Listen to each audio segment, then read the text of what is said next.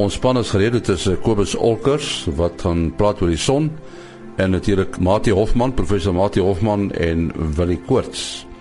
Maar voor dit ruimte nuus wat geskryf is deur Herman Torin in Bloemfontein. Die Vredefort koepel is nie meer die grootste bevestigde impakkrater ter wêreld nie, nadat 'n nog groter impakkrater in Australië ontdek is. Die Vredefort koepel is 298 km in deursnee, 'n raps groter as die Sandbury krater in Kanada wat 250 km in deursnee is. Die Australiese krater is so wat 416 km in deursnee. Die impakkrater, so wat 700 km noord van Adelaide, is reeds verlede jaar ontdek, maar sy grootte is toe op so wat 200 km in deursnee beraam. Verdere ondersoeke het pas aan die lig gebring dat die nuwe krater uit twee dele bestaan, elk met 'n deursnee van so wat 200 km. Die wetenskaplikes vermoed die asteroïde wat meer as 300 miljoen jaar gelede daar in die aarde vasgevlieg het, het oomblikke voor die impak in twee verdeel. Elke deel was vermoedelik meer as 10 km in deursnee. Daar is op die oppervlak van die aarde egter geen teken van die krater nie, wat weens tydsverloop nou so wat 2 km ondergronds is. Die omgewing staan as die Cooper Basin bekend. China het bekend gemaak dat hy beplan om vanjaar 'n totaal van 40 tye deur 20 lanserings in die ruimte te plaas. Die meeste sal kommunikasiesatelliete wees. Die groot belangstelling is egter gerig op die lansering van die Huanzheng-1, 'n sogenaamde ruimtebus wat op die uitgediende Amerikaanse pendeltuie trek. Die bus kan 10 satelliete op 'n keer die ruimte inneem. Nog 'n eienskap van die bus is dat dit uitgediende satelliete uit nuttige bane kan haal en in sogenaamde begraafplaasbane kan plaas waar hulle uit die pad van dienende satelliete sal wees. Tot sover ruimte nuus wat geskryf is deur Herman Torin in Bloemfontein. Ja, so so wil ek geskoop is alkos op sy pos daar in Florida, Amerika. En uh, hy kyk vir ons na die son. Wat uh, sien jy as jy in die son kyk, uh, Kobus? Uh, goeienaand en goeienaand luisteraars. Ja, hierdie son is gaan te kere hy as ons luisteraars onthou was daar veronderstel om in 2012 'n verskriklike piek te gewees het wat die einde van die wêreld sou beteken het volgens baie doemsprofete. Die son is nog steeds aan die aan die ehm um, toeneem reis baie laer as ons vorige piek. So dit lyk op die, op hierdie stadium asof die piek nou in 2014 was in plaas van 2012. Maar wat hierdie week aan die gang is is is alles behalwe stil. Ehm um, ons het 'n paar baie aktiewe areas veral nommer 2 3 en 5 wat besig is om 'n 'n beta gamma uh kompleksiteit aan te neem wat maar net beteken dat die noord en die suidpole is besig om te begin die mekaar raak met mekaar. Ehm um, en daar is 'n kans van M klas vakkels van daar af. Hy's nou nog nie heeltemal geo-effektief nie. Ehm um, maar ek ek is seker ons gaan dalk nog 'n bietjie pret van hom afkry deur hierdie week soos wat ons nie afgelope week of twee gekry het. Ehm um, ons laaste groterige koronagat is nou reeds agter die rug. Hy het sy sy ding gedoen so teen Woensdag se koers. En dit lyk asof daar 'n kleintjie is wat wat môre oor môre weer gaan begin effek toon. So as ons nou maar moet uh, dit kortweg saamvat ons ons langafstand uh kommunikasie mense gaan nog steeds 'n bietjie probleme hê met onstabiele frekwensies maar dit lyk nie asof ons te veel probleme gaan hê met ons internet en met ons uh uh met ons selfoon oproep en die soort van ding nie. Goedkoop is jou uh, besonderhede? Dit is uh Kobus Olkers by gmail.com dis K O B U S O L C K E R S by gmail.com. Ja, Kobus Olkers, uh, die gee vir ons elke week aan hierdie program sterre en planete. So kyk hier na die aktiwiteite van die son. Ons span is gereed om te gesels oor die sterre en planete. Dit is uh, Willie Koorts van die Suid-Afrikaanse Astronomiese Observatorium en professor Mati Hofman van die Universiteit van die Vrystaat, Departement Fisika, die uh, Boden Sterrewag en die Digitale Planetarium. Willie, uh, iemand het vir my 'n uh, e-pos gestuur oor 'n um, 'n impakkrater uh, daar naby Graafrenet, die sogenaamde Kalkkop impakkrater. Weet jy van hom? Ja, ja, ehm um, uh, vroutjie toe ek nou uh, destyds die redakteur was van die Manassa die Monthly Notes of the Astronomical Society of Southern Africa. So dit is die sterrekundige vereniging van Suid-Afrika se se twee maandelikse blaadjie het um uh Fiona Hobson wat hulle boer net daar buitekant Graafrenet en uh sy was eintlik baie aktief by een van die skole daar. Hulle het altyd uh sy het 'n eie sterrekunde groepie gehad uh of sterkende klub dan nou eintlik en hulle het uh, baie maal kinders uh, Sutherland toe gebring um en en op die manier het ons ontmoet en vreeslike ge, geïnteresseerde pers, uh, persoon en en ook baie goed met kennis oordra van van sterre en en konstellasies en sy het allerlei aktiwiteite wat sy met die kinders doen ek het baie maal gedink ek sal nie omgegee het om self 'n kind te gewees het in Graafrenet wanneer terwyl vir jou na daar daar so aan die aan die aan die roer van sake was nie. En toe het hulle 1 jaar besluit in in plaas van om die sterkende groepie Sutherland toe te vat, gaan hulle na die Kalkop krater toe want dit is net daar in hulle agterplaas amper. Toe het hulle nou uit die aard van die saak toestemming gekry by die boer. Dit is binne in in die boer se grond en ehm um, en toe hulle nou so intoe gegaan natuurlik nou op kaarte eers gekyk ensovoorts ensovoorts en ehm um, 'n uh, baie interessante krater. Ek kan nou nie die ouderdom en alles onthou met die oorspronklike krater was soos enige impakkrater uh, natuurlik redelik diep gewees en ehm um, die krater as ek reg onthou is hier so by 100 meter in deursnee, dalk 'n bietjie kleiner. En en oorspronklik was dit redelik redelik diep soos ek sê en uh daai moes deur die deur die eeue het daar moes daar water uitgeloog het wat dan natuurlik baie mineraalryk was en en die water het nou verdamp amper soos 'n soos 'n dooie see in die, in die kleine. Ja so uiteindelik is die krater dan nou vol water geloop en en die uh water het verdamp en en dit is omtrent dan suiwer kalk wat wat agtergebly het en van daardie naam en dit lyk my op 'n stadium met hulle self die kalk gemyn daarso.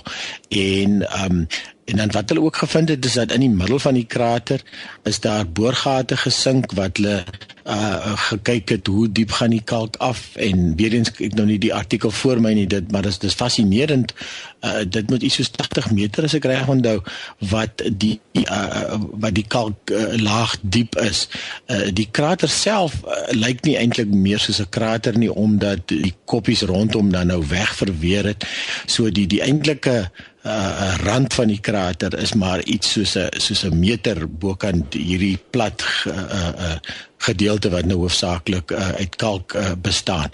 Die ding is redelik al bestudeer en en dit is natuurlik bewys dat dit dat dit 'n impakkrater was en ehm um, wat ook nou net interessant was met die oorgang van die jaar 2000 nou die mense wat daai tyd uh, kon onthou hoe het hulle die Y2K bug die die die uh, wat al ons rekenaarstelsels tot stilstand sou gebring het en al sulke snaakse goeters en uh, daar was weer vreeslike doemprofete wat nou die einde van die wêreld voorspel het ensovoorts ensovoorts. Dan wat ons nou sou oorgegaan het van 1999 na na die jaar 2000 en uh, toe daar 'n groep mense het besluit nou uh, dit lyk my so half geskoei op die teorie die veiligste plek om om om weg te kruip vir vir vir bombardering is in 'n bom uh, gat of bomkrater dan nou om kan maar sê omdat uh, teoreties sal die kans dat nog 'n bom op dieselfde plek val baie skraal.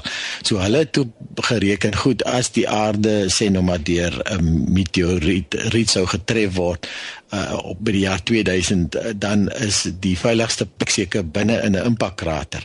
En ehm um, hulle het toe nou uitgegaan na hierdie onherbergsame plek daar in die middel van nêrens en en hulle het 'n uh, partytjie gehou en en as ek reg onthou hulle dit die KKKK genoem uh uh um, of of nee nee wag uh, ek weet dit is in die kalk ja dis dit was Y2K KK Y2K in die Kalkop krater so iets. En ehm um, en hulle het letterlik uh, die tafels uitgepak en en die partytjie gehou daarso en wat ook al en hulle het ook nie eers agterna gebodder om om eers die die goed te gaan opruim. In die eerste plek is natuurlik nou baie veilig is in die middel van nêrens niemand daar's niemand in die rondte om te steel seker nie. Maar wat hulle ook gereken het, goed as die wêreld dan rondom ons sou vergaan het gedurende laasnag wat dan die oorgang na die jaar 2000 toe was, dan spaar dit ons die moeite om nou om nou die skorrelgoed te was en wat ook al. Natuurlik uit die aard van die saak het dat nou nooit iets gebeur nie en en en hulle moes toe nou die skorrelgoed agterna was. Ja, uh, Mati, dit is mos nou so, ons het eintlik drie sigbare impakkraters hier in ons land. Of is daar meer want ons praat nou van goed die grootte is Vredefort en dan nou Kalkop en dan natuurlik Twain hier naby Pretoria, as ek reg. Uh ja, daar is nog iewers in die Noord-Kaap. Uh in daai gebied is daar nog 'n krater waarvan ek nou die naam kan onthou nie. Uh wil ek kan jy daarso help? Daar daar moet nog 'n ander krater wees. Uh, ja, ek probeer ook gou vinnig dink. Ek weet uh, die die die uh, is daar nie 'n Rotterdam die in die in die spergebied eintlik wel in Suid-Afrika nie dit is nou in Namibië ja. is daar 'n krater in in die ou spergebied uh um wat wat ek weet mense al besoek het een een van ons sterrekundiges hier het destyds toestemming gekry om om daar te gaan uh, te gaan kyk. Ehm um, ja, verder weet ek van Kalkop en dan die Twain.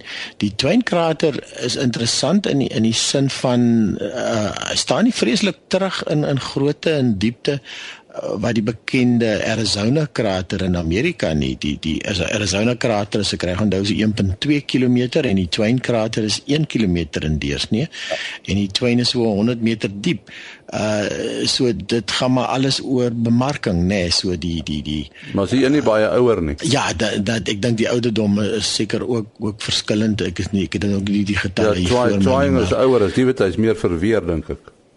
Uh ja, so die aard van die saak sal jy dan meer uh, verwering kry. En daarso ook interessant, die oorspronklike naam was Soutpan of nog op die Nederlandse manier Soutpan gespel en en daar was ook 'n uh, sout uh, gemeen daarso Ehm um, en jy kry ook dan dieselfde geval wat jy nou hier by Kalkop kry dat jy het water wat net inloop en en nie weer uitloop en dan kry jy 'n dooie see effek dat die dat die soutgehalte opbou en en dan kan jy dit uiteindelik uh, ontgin. So uh, die die Twain krater ehm um, ek weet daar is pogings om dit 'n bietjie uh, te bemark en um, so dit, dit is uh, eintlik 'n lekker groot skat daarso wat ons as as ons nou net dieselfde effort ingesit het as wat die Amerikaners in die Arizona krater ingesit het dan dan het ons ook hier 'n 'n lekker toerisme toeriste aantreklikheid gehad. En nee, ek het nou die inligting hierso van 'n ander krater, die Morquent krater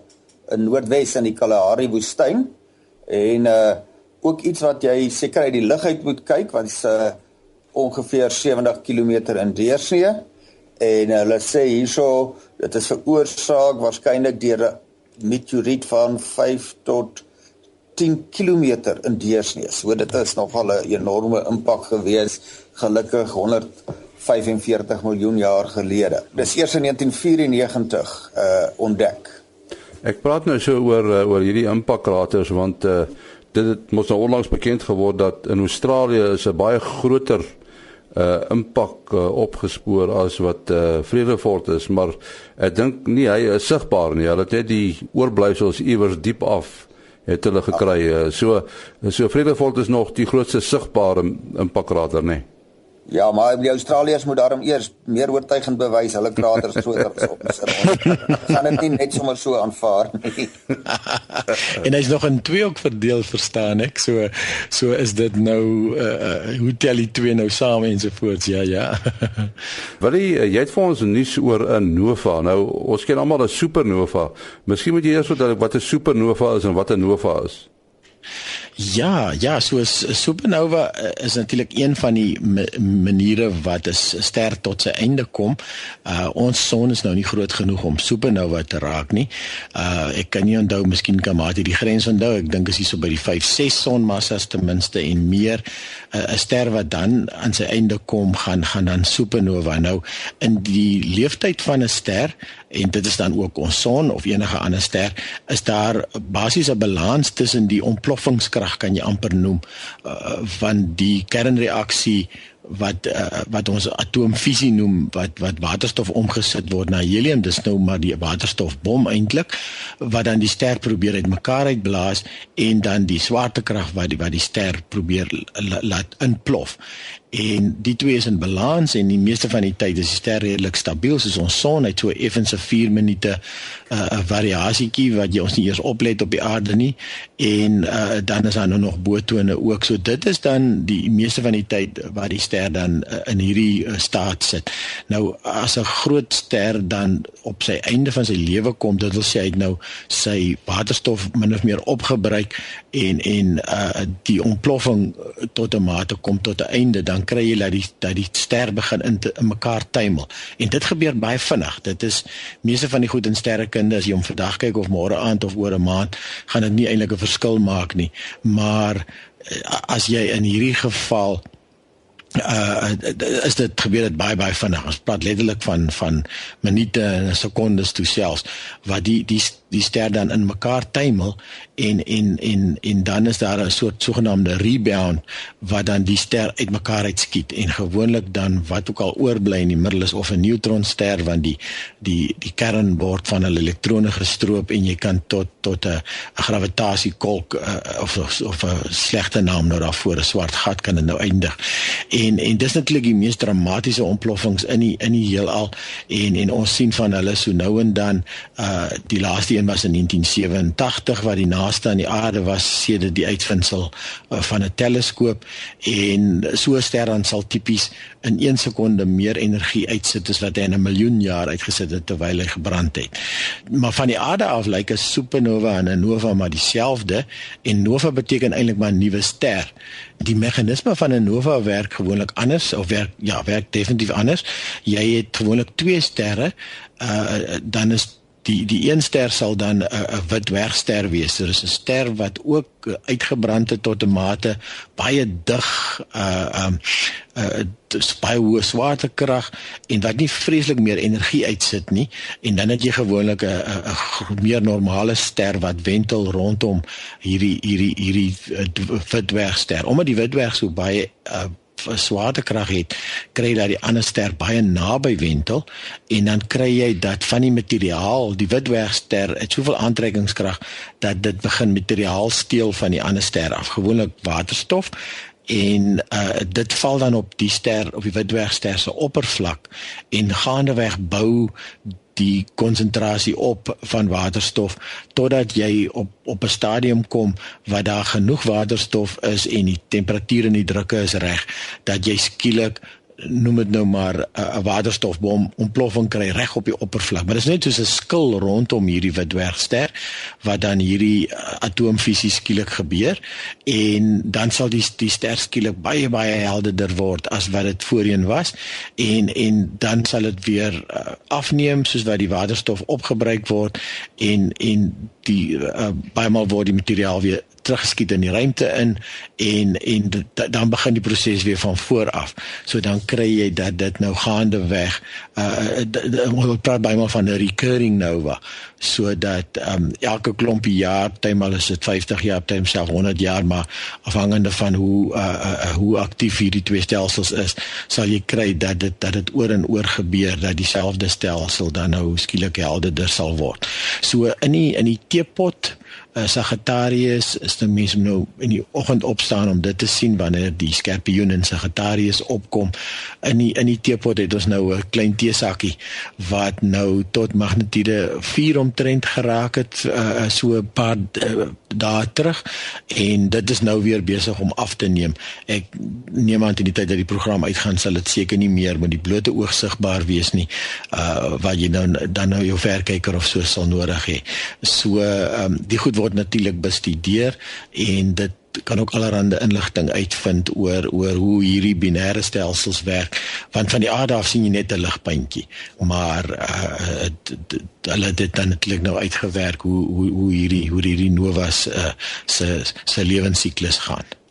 Uh en nee ek ek wil net gou-gou vir uh, wil jy hierso vra uh so alles sy dan nou waarskynlik nie meer met die blote oog sigbaar nie. Uh Sam is dan ons nou met 'n verkyker uh, mooi kan die verloop soos wat hy nou dowwer word kan kan waarneem. Nou uh as mens nou vroegoggend uitgaan en jy kyk nou oos, hoëgerig ooswaarts, dan gaan mens vir Saturnus en Antares naby mekaar sien. Antares met die rooierige skynsel en Saturnus wat nou helder geelerig vertoon en dan gaan dit mos nou regs daarvan lê waar ons die teepot sien. Nou as mens nou met 'n verkyker na die teepot kyk en ek dink die mense kan dit nou maar Google om die prentjie te kry presies waar moet mens kyk vir die vir die nova in opsigte van die uh teepot in Sagittarius? Uh ja, so hierdie enetjie lê die die, die teepot se dekseltjie vorm 'n mooi driehoek en uh dan het jy nou aan die een kant die handvatsel en aan die ander kant die die tyd. Uh maar as jy nou terugkom tot die driehoekie van die teepot, uh die boonste puntjie kan jy dink aan die handvatsel van die van die dekseltjie en en dan die ander twee sterretjies aan die onderkant van die driehoek vorm vorm dan die gedeelte wat nou op die teepot se lyfie pas.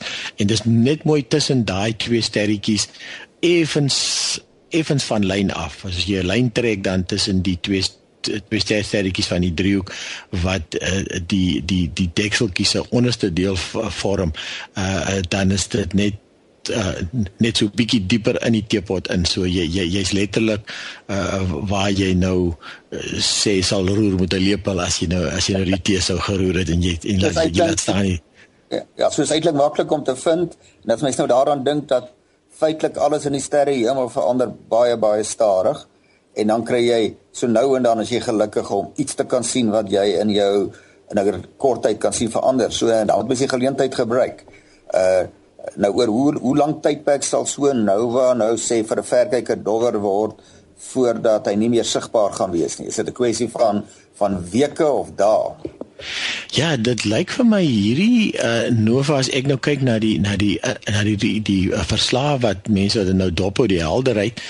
Ehm um, hy het gewoonlik as jy nou sy ligkurwe kry, hulle het hom gelukkig gevind uh, al uh, of hy's ontdek uh, toe hy nog besig was om helderder te raak en dan kry jy gewoonlik 'n redelike skerp uh, verheldering en dan 'n en dan 'n uh, redelike afgeplatte uh, verdowing wees soos wat die die nova dowwer raak.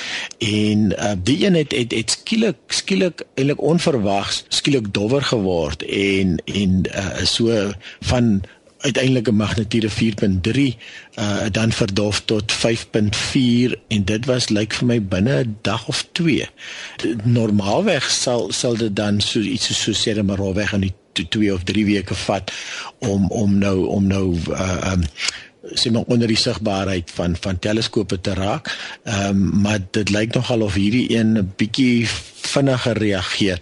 So mens neem aan dat die uh, noem dit nou maar die ontploffing wat wat uh, hierdie helium bo op die oppervlak veroorsaak het, het nou vinniger noem dit nou maar weggebrand as as as wat verwag is. So hierdie een lyk vir my is 'n bietjie is 'n bietjie vinniger kaland as die as die normaal is. Ja, so as ons maar kyk so gou as moontlik terwyl ons die kans het. En daar's in elk geval as mense nou met verkykers in daai omgewing kyk van Sagittarius as 'n rykdom van klein stertrosse en nevelagtighede. Soos eintlik 'n baie besonderse gebied om met 'n verkyker te bestudeer en uh dis dalk die moeite werd om maar vroegoggend op te staan. Dit word daarom al later uh lig in die oggende. Uh So ek sou uh, skat 5:00 die oggend uh, behoort vroeg genoeg te wees. Goed, Mati, uh, net so kort uh, kortliks uh, om die program mee te beëindig. Hoekom sê mense ons is van sterstof gemaak? Uh ja, as ons nou uh en nie by die ander soort nova, die supernova kom. Uh wanneer 'n ster basies sy eindstadium bereik en 'n baie groot deel van die uh ster se massa word die ruimte ingeblaas deur 'n kragtige uh on, baie kragtige ontploffing uh wat oorbly van die ster word dan nou 'n neutronster uh of selfs 'n gravitasiekok. Nou daardie materiaal wat dan nou die ruimte ingeskiet word, word dan nou weer deel van die interstellêre nevels en dit word dan uh uiteindelik of 'n deel daarvan word dan weer deel van 'n volgende generasie sterre. Nou binne in 'n ster deur die proses van kernsmelting kan 'n mens nou jy begin aanvanklik met waterstof as jou primêre brandstof, maar dis nou 'n kernbrandstof. Dis nie 'n chemiese reaksie plaasvind nie, dis 'n kernsmeltings uh, reaksie. So word die waterstof word helium en uiteindelik kan jy deur kernversmelting kan jy tot en met yster kry wat die mees uh stabiele uh atoomkern is. Uh swaarder kerne, ons kan maar dink, kan alles met uh atoomgetalle groter as yster, is yster trek hier by 56 of dit uh, uh, rond. Daardie swaarder kerne moet gevorm word deur uh, kern uh, reaksies in so 'n supernova wanneer wanneer deeltjies ander atoomkerne teen 'n geweldige snelhede met mekaar bots, dan kan die uh, atoomkerne wat minder stabiel as uh yster is kan wel vorm. En as daar sulke atoomkerne, kom ons vat nou maar Iran, iets soos Iran 235, as hy enigstens die kans kry die nodige aktiveringsenergie, dan sal hy verkies om in klein kleiner brokstukke op te deel. En dis dan wat nou weer met gebruik met kernklowing of kernfisie uh wat weer die basis is van kernreaktore uh en so meer. As ons nou maar dink aan die die elemente waaruit ons uh uh liggame bestaan, as natuurlik baie koolstof uh 12 en dit is deur kernsmelting in uh sterre sterre gevorm en dan is al hierdie ander spoorelemente uh in minerale en so aan sal ons ook weet hier op die aarde vind uh as minerale waarvoor ons myn wat ons allerhande nuttige goed mee doen. Ehm um, maar so beide dit wat tydens die supernova ontploffing gevorm word, die swaarder kerne plus uh al die uh kerne uh swaarder as as helium uh sover ons die prosesse in die heelal in die geskiedenis verstaan, moes maar binne sterre gevorm gewees het. Uh in die heel aanvanklike stadiums van die heelal se geskiedenis voor die eerste sterre gevorm het, kan ons verstaan dat daar waterstof, helium en lithium. Ek dink dit was omtrent net daai drie isotope uh wat bestaan het. En enige iets daarna moes dan uh in sterre en tydens supernovas gevorm het. Nee, ongelukkig uh, is dit afsluit tyd. Wil jy jou besonderhede? Ja, mense kan bel, SMS of WhatsApp 0724579208. 0724579208. En dan Mati? Uh 0836257154. 0836257154 en die luisteraars kan natuurlik maar ook uh aansoek doen om daar by die uh sterrenplanete uh Facebook groep aan te sluit. Daar word allerlei interessante inligting gedeel en mense vertel ook van hulle eie aktiwiteite om die sterrehemel beter te leer ken. My uh, e-posadres maas.henny@gmail.com. maas.henny@gmail.com. Tot volgende week. Mooi loop.